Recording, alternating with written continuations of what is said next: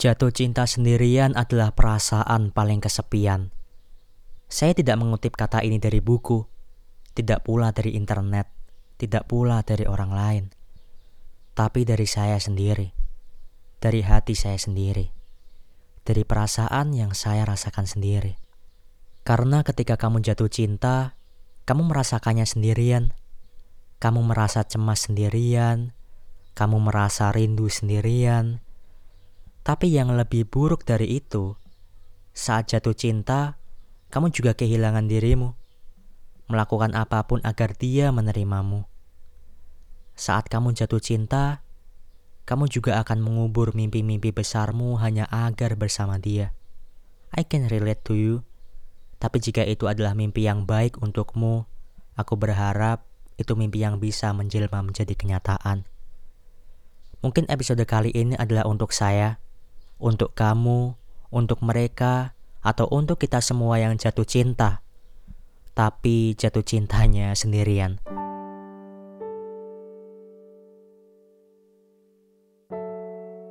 By the way, halo semuanya. Gimana kabarnya hari ini? Semoga harimu selalu menyenangkan. Jika harimu buruk hari ini, seperti biasa, Tarik nafas yang panjang. Dan mari sama-sama kita saling percaya. Everything will be fine. Everything will be okay.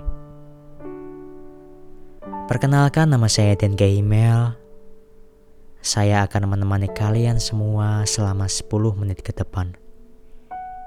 Untuk kamu yang dengerin podcast ini sambil rebahan di kasur, atau mungkin kamu yang sedang dengerin podcast ini di saat perjalanan, entah itu di mobil, bis, atau kereta.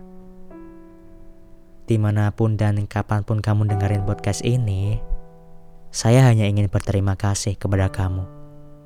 Iya, kamu yang dengerin podcast ini sekarang. Kamu yang sudah bersedia meluangkan waktunya untuk mendengarkan. Podcast kali ini berisi obrolan sederhana yang semoga bisa kamu ambil hikmahnya. Jatuh cinta sendirian. Pernah nggak kamu ngerasain? Kamu suka sama orang, cuma kamu doa yang suka tapi dianya enggak. Kamu mau sama dia, tapi dianya nggak mau sama kamu. Sebuah cinta yang tidak diberi timbal balik, tidak diberi perasaan yang sama seperti perasaanmu ke dia ada dari mereka yang sudah mengutarakan perasaannya. Ada yang ditolak secara baik, secara halus, meminta maaf karena tidak mempunyai perasaan yang sama. Ia mengapresiasi apa pun yang telah kamu lakukan, dan kamu akan beruntung sekali jika seperti ini. Tapi ada juga mereka yang ditolak secara mentah-mentah.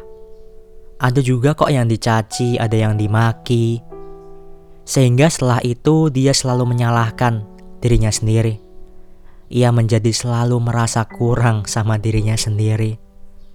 Tidak pernah cukup sama dirinya sendiri. Selalu bertanya-tanya apakah setelah ini dia layak untuk mencintai atau bahkan dicintai orang lain.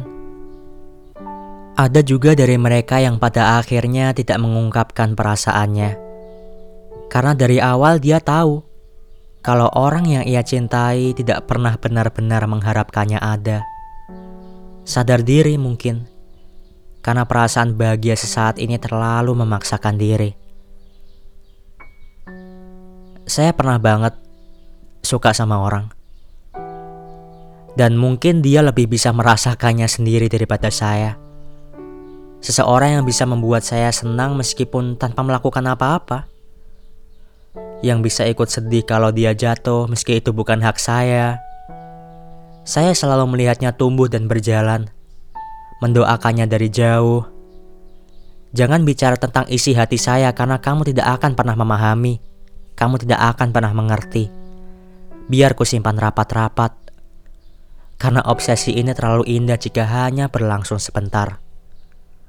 Ternyata benar ya. Hal-hal yang indah Baru dibayangkan aja udah semenyenangkan itu. Apalagi kalau kejadian beneran. Mungkin sebenarnya masih bisa diusahakan. Masih mungkin dan masuk akal kalau saya akan terus mempertahankan cerita ini meski sendirian. Saya mau, mau banget. Mungkin itu adalah bentuk dari usaha, tapi saya nggak bisa menahan ia yang inginnya dilepaskan. Aku bisa maksa dan minta kamu tetap di sini, tapi aku nggak bisa karena saya tahu hati kamu maunya pergi. Jadi lucu aja, saya maksa juga buat apa? Apa yang aku bisa minta dari kamu coba? Karena saya juga nggak tahu apa yang perlu ditungguin, apa yang masih bisa ditungguin. Perasaan kamu, kehadiran kamu, kamu gak bisa kasih itu ke aku jadi buat apa nunggu? Buat apa saya nunggu coba? Terkadang kamu gak mau aku berharap, tetapi apa yang kamu lakuin buat aku berharap dan maksa buat aku bikin harapan. Untuk apa saya terus bersikeras kalau aku yang akan bertahan sendirian?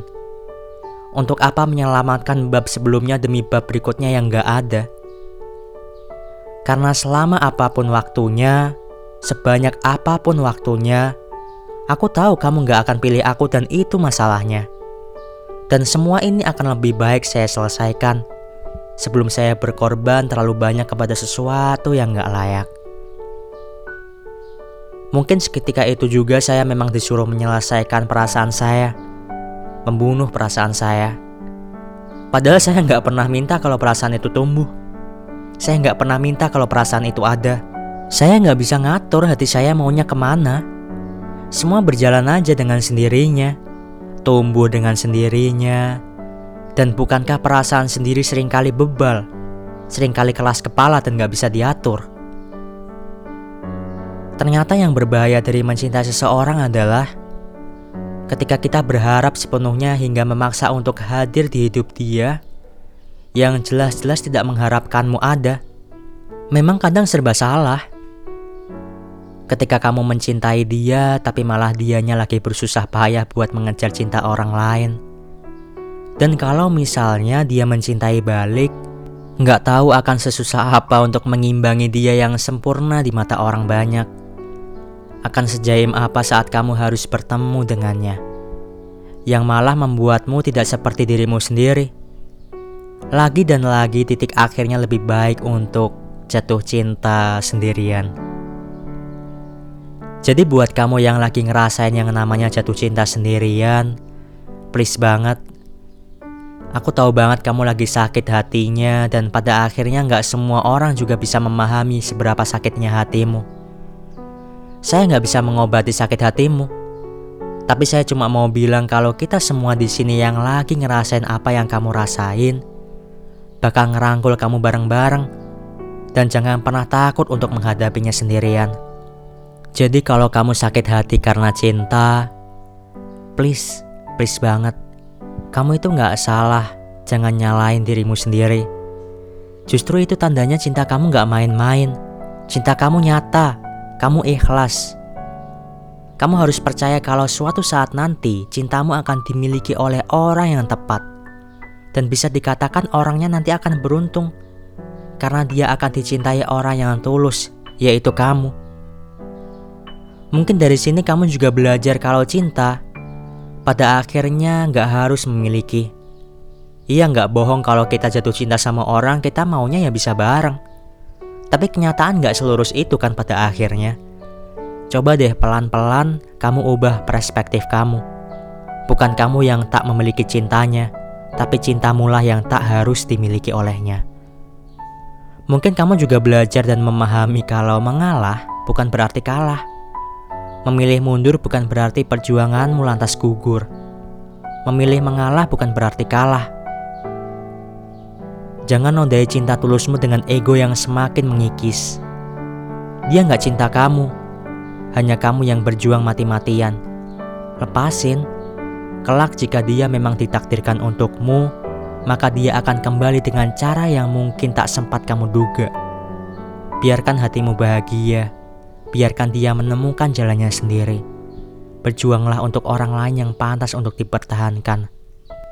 Pada akhirnya, segala kepahitan dari jatuh cinta sendirian melatih kamu menjadi pribadi yang lebih tangguh, Hati kamu mungkin sudah dipatahkan setelah kamu sepenuhnya bertahan, ditinggalkan setelah sekian lama diperjuangkan, dibuat melambungkan harapan yang lantas dihempaskan.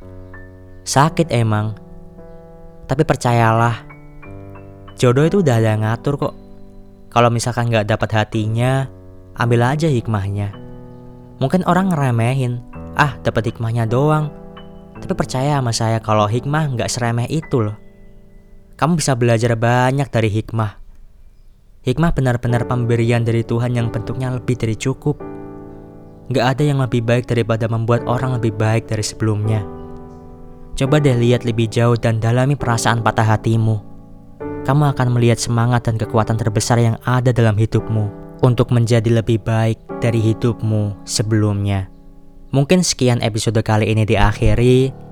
Terima kasih. Salam dan Kehimel.